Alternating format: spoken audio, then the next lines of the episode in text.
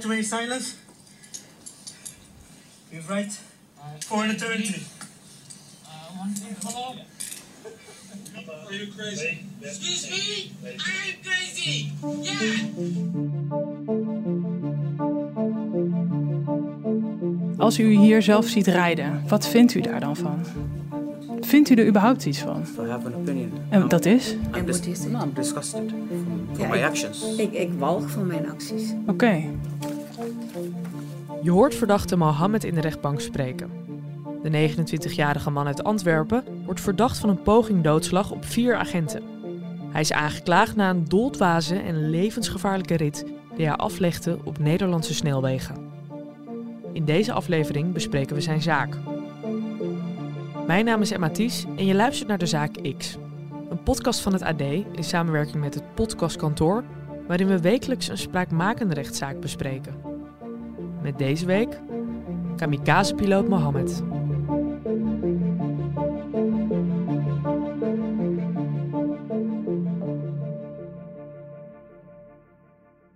Het is een vroege maandagochtend en Mohammed is bij een vriend in Amsterdam. Mohammed heeft de eerste tien jaar van zijn leven in deze stad gewoond. Daarna een tijd in Engeland en nu woont hij in België. Antwerpen, om precies te zijn. En dat is precies waar Mohammed deze lenteochtend weer naartoe wil. Naar huis. Hij mag de auto van zijn vriend lenen. Rond zessen stapt hij in de zwarte Opel Safira en rijdt de stad uit, richting de snelweg. Hij pakte de A2 zoals je de kortste route is. Je hoort de stem van Art Schouten van het AD Utrechts Nieuwsblad. Ehm, bij Apkoude werd hij eigenlijk voor de eerste keer gesignaleerd door eh, politieagenten. Omdat hij afwisselend heel hard en heel zacht reed. En dat ging echt, nou ja, als je 30 kilometer op de snelweg rijdt, dan val je ook op. Dus dan is er wat aan de hand. Of je zit op je telefoon of je hebt een slok op. De rechtbank wilt u gaan staan, alstublieft. De zitting van deze zaak vindt plaats op een zomerdag in 2023. Gaat u zitten. Mohammed meldt zich bij de rechtbank in Utrecht. Nou, meneer, wat ik u er verder van kan vertellen is dat om acht minuten voor zes 's ochtends... Morning. Tijdens de zitting zit er een tolk naast hem, omdat Mohammed beter Engels dan Nederlands spreekt. De rechter bespreekt hoe de rit verliep en laat Mohammed straks reageren op zijn daden. op 10 april van dit jaar een melding binnenkomt van een voertuig met asociaal rijgedrag. Over wat voor snelheden hebben we het? 190, wat gemeten is. Eh, ja, soms ging die ook heel langzaam rijden, dan weer 150. Nou, je kunt je voorstellen, als je met hoge 190 over de, de Nederlandse snelwegen eh raced, dat dat gewoon echt levensgevaarlijk is. Zeker in de conditie waarin hij was. Vervolgens heeft hij eh, de route van de A2 gekozen, kreeg politie-eenheden achter zich. Die hebben geprobeerd hem bij Vinkerveen eh, van de snelweg af te halen door een eh, stopsignaal te geven. En op dat moment volgt het voertuig de politieauto. Ik zie u knikken, dus kunt u zich dat nog herinneren? Yes, yes. Oké. Ja, ik kan me dat herinneren. En toen besloot u uiteindelijk om de agenten dus niet te volgen. Agenten gingen van de weg af. Mohammed dacht, ik ga lekker rechtdoor. En die is richting Breukelen gereden. En eh, s- hij trapte het gaspedaal steeds verder in. Waarop er steeds meer politie-eenheden aansloten. Dus ja, krijg je eigenlijk een soort van filmscène van een eh, auto die op de vlucht is. Of een automobilist die op de vlucht is. En zo zijn ze eigenlijk langzaam, nou niet langzaam, heel snel verder gegaan. Want hij reed echt af en toe 190 km per uur.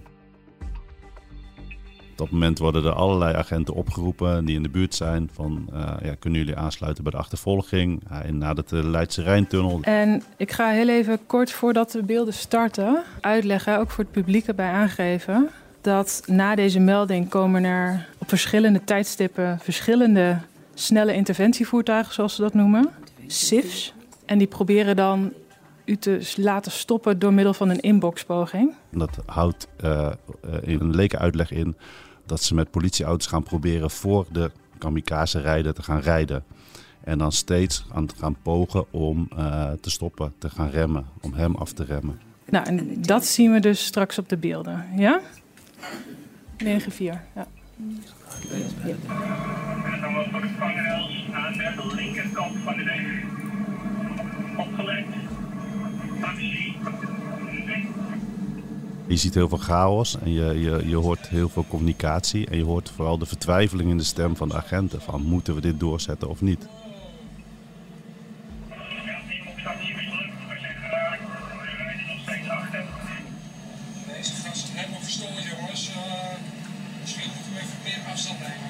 Het andere is, eh, ze moeten eigenlijk wel eh, pro- proberen hem te stoppen. Want het alternatief is dat hij zijn raket richting Antwerpen gaat. Nou, dat is een paar keer is dat eh, eh, best in een hachelijke situatie eh, zijn ze beland, agenten. Omdat ze gewoon ja, gingen botsen en heel dicht bij de vangrail kwamen. Mohammed lapt alle verkeersregels aan zijn laars. Hij rijdt tot wel 190 km per uur en dwars door een rood verkeerslicht heen. Andere weggebruikers worden door Mohammed hard afgesneden of moeten vol op hun rem trappen. Wanneer politieauto's dichtbij komen om een inboxpoging te doen, botst Mohammed met zijn auto meerdere keren tegen de politiewagens op. De rechter leest de verklaring voor van een van de politieagenten die Mohammed achtervolgt. Wij zagen dat de Savira op ons bleef insturen, zoals hij dat telkens deed. Doordat wij zo dicht op de vangrail kwamen te rijden, kwamen wij in aanraking met de Savira en direct daarna met de vangrail. Ik voelde de SIV hevig schudden, de achterbanden slipten. Ik moest middels meerdere stuurbewegingen er alles aan doen om het voertuig met de neus in de juiste richting te houden en om een crash met het achteropkomende verkeer te voorkomen. Wij vreesden voor onze gezondheid en ons leven. Kijk, je, je moet je ook bedenken dat de, die, die eh, agenten die eh, op werden geroepen van de, die speciale interventiewagens, ja, die zijn het gewend. Maar je vraagt ook de, de, de politieagent die op dat moment dienst heeft in Breukelen of in eh, Rondevenen of in welke plaats onderweg. Want er zijn heel veel plaatsen tegengekomen om aan te sluiten.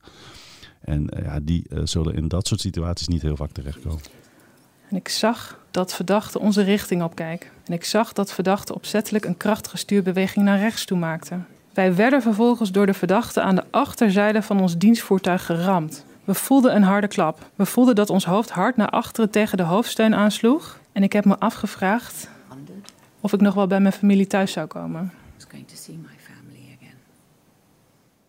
En eh, ja, agenten hebben ook echt wel eh, tegen elkaar uitgesproken van eh, we moeten deze man echt van de weg krijgen, want het is gewoon levensgevaarlijk. Maar we zijn ook wel bang dat we vanavond zelf niet meer thuiskomen. Dus dan zit een beetje in een tweestrijd. Tot hoe ver ga je als agent? En dat eh, heeft heel erg meegespeeld. Aangezien ik de bestuurder van ons dienstvoertuig was, voelde ik mij tevens verantwoordelijk voor mijn collega, waarvan ik weet dat hij twee kinderen en een vrouw heeft. Dit flitste even in mijn gedachten voorbij, waarop ik hard hardop met mijn collega heb overlegd of het risico nog aanvaardbaar was. In dit geval noemden ze hem ook echt een, een kamikaze-piloot. En eh, ja, dan moet er gewoon op een gegeven moment wat gebeuren. De achtervolging van zo'n 100 kilometer duurt in totaal, door de hoge snelheid, een half uur. De agenten hebben Mohammed niet van de weg kunnen krijgen met de inboxingmethode. Op de A58 bij Breda zijn ze al bijna bij de Belgische grens. Het is tijd om het anders te doen. De agenten besluiten hun auto in te zetten om Mohammed van de weg te duwen. Rond knooppunt Galder lukt dit. Hierdoor kwam het voertuig haaks op de rijrichting terecht en rolde vervolgens aan de rechterkant de berm in. Ik zag dat de verdachte alsnog weg wist te komen, maar zijn voertuig werd door andere dienstvoertuigen beneden aan het taluut klem gereden. En eh, ja, tot opluchting van alle agenten. De auto van Mohammed is in het gras naast de weg beland. Het voertuig staat half schuin tegen een berg met een politieauto erachter en ernaast. Beelden hiervan delen we op de Instagram-pagina van de zaak X. Mohammed probeert nog te voet te vluchten, maar kan nergens meer heen. De politieagenten stappen uit om hem te arresteren. Dashcambeelden van de politievoertuigen hebben dit opgenomen. Daar gaan we nu naar kijken. Rustig, rustig, rustig, jongens. Hou maar, hou maar. Onder controle, jongens. Rustig aan, rustig aan.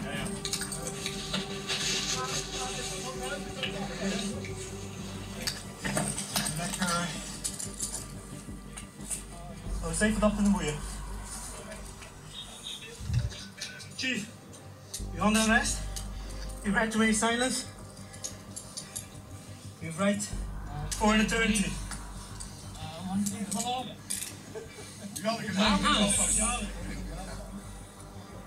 Hey, he, I don't know, but I'm going,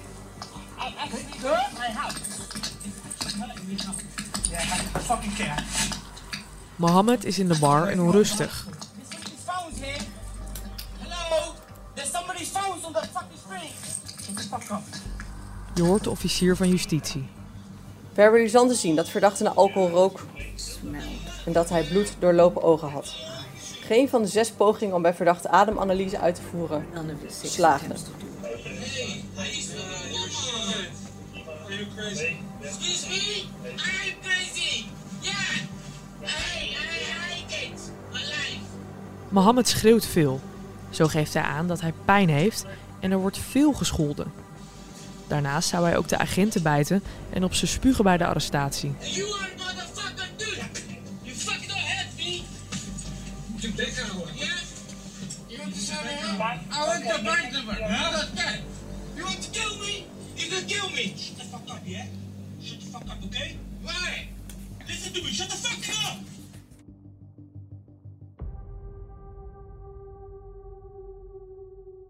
Er wordt geweld gebruikt bij de aanhouding. Iets wat de advocaat van Mohammed later in de zaak aansnijdt om om strafvermindering te vragen. De rechter leest voor wat de agenten over de arrestatie hebben verklaard. En zij zeggen, hè, welk geweld is nou uiteindelijk gebruikt hè, bij de aanhouding? Zij zeggen, ja, dat was gepast gebruik van geweld. Eh, het gaat om een knietje bij het bovenbeen.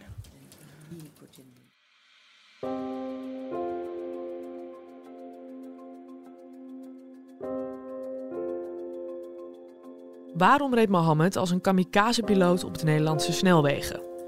Hier probeert de rechter tijdens de zitting achter te komen. En hè, vanaf het begin dat u in de auto zat, hebt u toen op enig moment ook een stopteken gezien? Did you see a stop sign at any point? Nee. Iets met stop politie misschien? Something with stop police or police? Nee. Maar nu zegt meneer in ieder geval vandaag op zitting, ik had eerder moeten stoppen. You said I should have stopped before. Yes.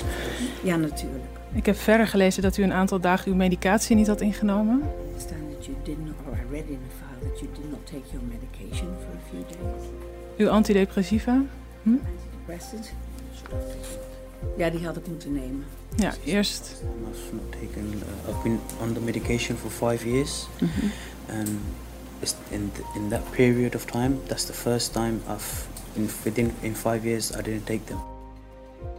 Ehm, zijn verhaal van die dag was, hij was in Amsterdam om geld te lenen bij een vriend. En eh, die had hij nodig om medicijnen te kopen, maar hij zat zelf redelijk platzak. Dus hij eh, wilde geld lenen, want hij had ook wel door dat het zonder medicijnen niet echt goed met hem ging. Zware maanden achter de rug, broer overleden bij een auto-ongeluk. En eh, hij wilde gewoon eigenlijk iets hebben om zijn gevoel weer een beetje op orde te krijgen. Maar Mohammeds vriend in Amsterdam gaf hem geen geld. Wel mag hij de auto van zijn vriend lenen om terug te rijden naar Antwerpen. De zwarte Opel Safira. Als hij net onderweg is, hoort Mohammed glas heen en weer bonzen en vindt hij een fles whisky onder de stoel van de auto. Hij drinkt alles wat er nog in zit op. Hoeveel zat er nog in? How much was still in the, in the Uh, less than half. Minder dan de helft. Ja. En hebt u dat helemaal opgedronken? Did you drink it all? I drank it like that. ergens vanaf dat moment is het vreselijk misgegaan. Eh, is hij in een situatie terechtgekomen waarvan hij zelf eh, gewoon niet wist wat er met hem gebeurde. Een soort van roes. En ehm, ja, vanaf dat moment is het, eh, is, is het eigenlijk eh, eh, een beetje gissen wat er met hem gebeurd is. En hij had een half jaar geleden had hij van een, van een vriend van hem gehoord dat er in Nederland wel eens ehm, eh, nepagenten opduiken. He told me about there was incident in Rotterdam, Okay. and the people were getting picked up from Holland and being tortured and things. En eh, daar was hij zelf ook bang voor. Hij had gelezen over de grote drugszaak in de Wouwse plantage, waarin allerlei politieuniformen waren gestolen en eh, eh, bedreigingen waren geweest. En eh, dat was die zaak met die martelcontainers. En ja, dat lot zag hij voor zichzelf ook een beetje weg. En of dat nou een, een verhaal is wat hij achteraf bedacht heeft om het allemaal goed te praten wat hij gedaan heeft, of dat het echt bij hem speelde, dat werd gewoon niet helemaal duidelijk. Toch zou je kunnen zeggen, je herkent politieauto's wel als ze om je heen rijden, maar hij was dus in de veronderstelling dat het misschien nepagenten waren. Ja, het waren niet allemaal herkenbare politieauto's. Maar hij was wel heel getergd om eh, A, om sorry te zeggen, want hij had echt wel eh, door wat hij gedaan had. Maar hij vond ook wel dat alle omstandigheden in zijn voordeel zouden moeten meewegen. En dat hij nooit bedoeld heeft om dit eh, te doen. Hij is niet de weg opgegaan om agenten in gevaar te brengen. Hij is niet eh, keihard gaan rijden. Uh, achteraf zegt hij, ja, ik weet het zelf eigenlijk niet wat er met me gebeurde. En eh, ja, dan, eh, ja, dat was een beetje zijn verhaal. En eh, kijk, het verhaal van de agenten staat een beetje tegenover eh, het verhaal van Mohammed. Want eh, de agenten die eh, vertelden steeds van... Ja, we kregen hem gewoon niet onder controle. En hij ging remmen, hard rijden, remmen, hard rijden. En eh, waarop Mohammed zijn repliek was... Ja, maar ik wist helemaal niet met wie ik te maken had. En eh, als, het, eh, als ik wist dat het echte agenten waren geweest... Ik heb eigenlijk alles gedaan wat binnen mijn macht ligt om aanrijdingen te voorkomen. Hij maakt er ook een enorm punt van dat in de politiedossier heel vaak de term rammen staat. Hij zegt, ja, ik ben fout geweest. Er is contact geweest met de politieauto's, maar ik heb nooit op een politieauto ingeramd. Ik heb hooguit geprobeerd een botsing te voorkomen. En soms lukte dat, soms lukte dat niet. Your Honor, I can see that I'm being charged with poging doodslag, but and they are accusing me of ramming the autos. There is no such a thing as ramming in that video. Nou, ik word dus... eh, A ramming is a very big term for me. Als u hier zelf ziet rijden, If you see yourself driving, wat vindt u daar dan van? Vindt u er überhaupt iets van? do you have any opinion at I have, I have an opinion. En I'm- dat is? I'm And dis- what is it? No, I'm disgusted from, from Ja, my ik- actions. Ik, ik walg van mijn acties. En denkt u dat de agenten die u achtervolgden, dat die misschien ook wel ergens een beetje bang waren? Of I was, I was in my own mentally emotions. I, I didn't have that much uh, capability to think.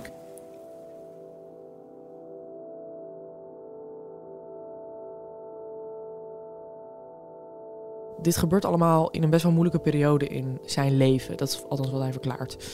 Wat speelt er allemaal? Ja, met name de, de dood van zijn broer, die, eh, een jonge broer die omgekomen is van de, eh, bij een verkeersongeluk. En eh, ja, dan kun iedereen, als je het nooit hebt meegemaakt, kun je, kun je dat niet voorstellen. Maar ik heb het zelf wel eens in mijn familie gehad dat een neef verongelukte bij, bij een verkeersongeval. Ja, en als je dan al bedenkt wat er dan rond een slachtoffer gebeurt en bij zijn familie gebeurt en hoe lang dat eh, gewoon in je poriën blijft zitten, zeg maar. En ik heb gelezen dat u het daar ook heel moeilijk mee hebt. And I read that that was very hard for you. Very difficult. Ja, Ja, dat zie ik ook. I can tell. Ik zie dat u ook geëmotioneerd raakt. I can tell that you're getting emotional. Misschien eh, is een bekertje water voor meneer.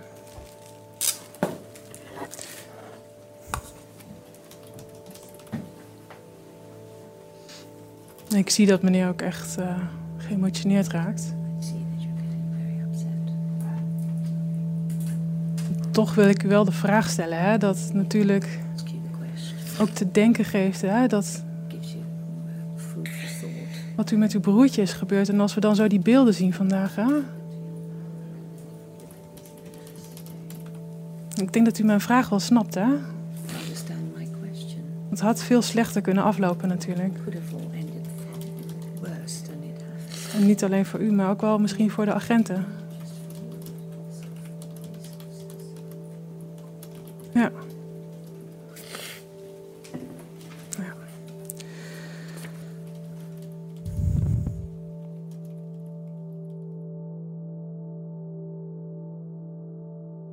Toch zeg jij ook, als we naar zijn strafblad kijken, hij heeft nogal wat op zijn kerfstok.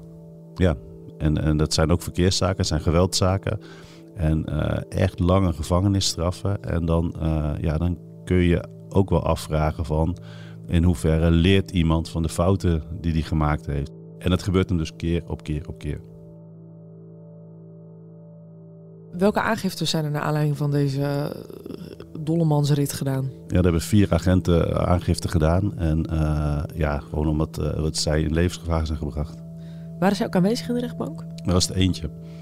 En ehm, ja, de conclusie van allemaal was eigenlijk wel hetzelfde. Het is echt wonder boven wonder dat er niks, eh, dat iedereen s'avonds gewoon is aangeschoten bij zijn, bij zijn gezin. Dat ze gewoon eh, s s'avonds naar de sportclub zijn gegaan. Dat ze gewoon hun werkdag af, hebben- af hebben kunnen maken. De agent die er wel was, maakte hij nog een bepaalde indruk? Heeft hij eh, gesproken? Nee, helemaal niks. Hij heeft eigenlijk redelijk onbewogen de zitting gevolgd. Ik kan niet, uh, kan niet in hem kijken, maar die moet daar echt met hele mixed feelings hebben gezeten. Eventjes naar, uh, naar het OM. Wat hebben zij voor straf geëist? Uh, 24 maanden, waarvan 8 maanden voorwaardelijk en een boete van 500 euro. De advocaat van Mohammed is het hier niet mee eens. Hij begint over de hardhandige arrestatie. Maar dan kan ik het ook wel begrijpen. Ja, ik vind het gewoon niet gepast. Ik vind het not done.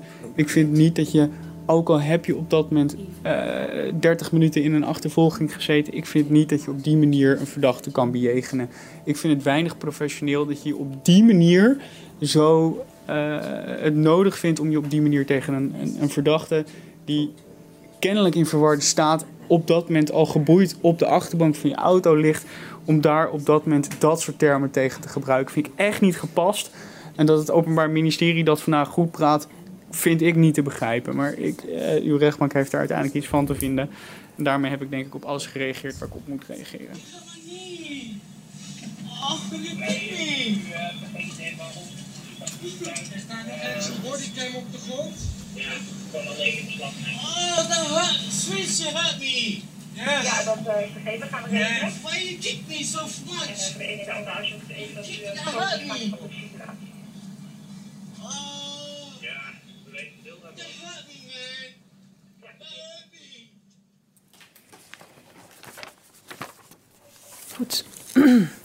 We zijn bijna aan het einde gekomen van de behandeling van uw strafzaak. U hebt eh, de hele middag al een briefje voor u. Dit is het recht op het laatste woord. Als u nog iets wil zeggen, dan mag u dat nu gaan doen. Your Honor, I've been suffering depression for the past five years and a trauma. I am not capable of what I am being accused of. I am very sorry. This will never happen again. May the court see the truth, please.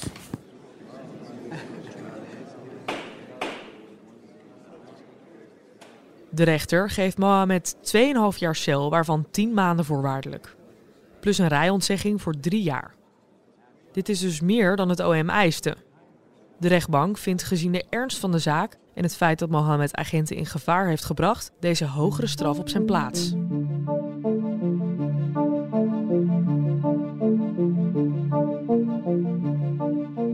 De Zaak X is een wekelijkse podcast van het AD en deze aflevering werd gepresenteerd door mij, Emma Ties.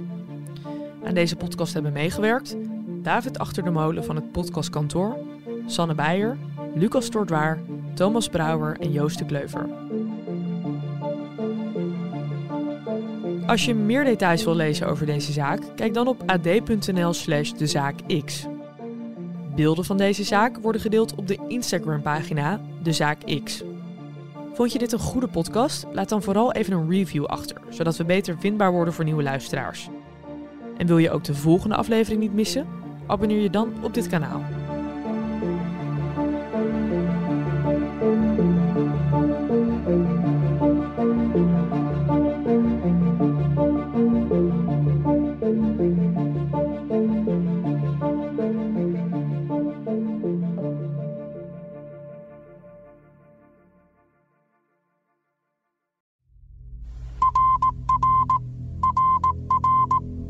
Sveriges statsminister Olof Palme är död.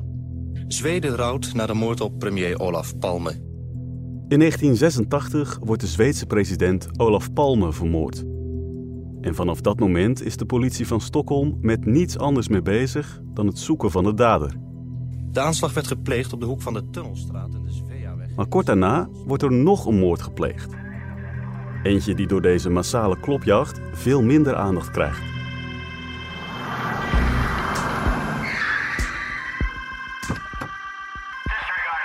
Het is een moord in huiselijke kring, ergens in een buitenwijk van Stockholm. Het slachtoffer is een 30-jarige vrouw. De dader, haar stiefzoon Samir Sabri. En vrijwel gelijk als de politie ter plaatse is, bekent hij haar vermoord te hebben.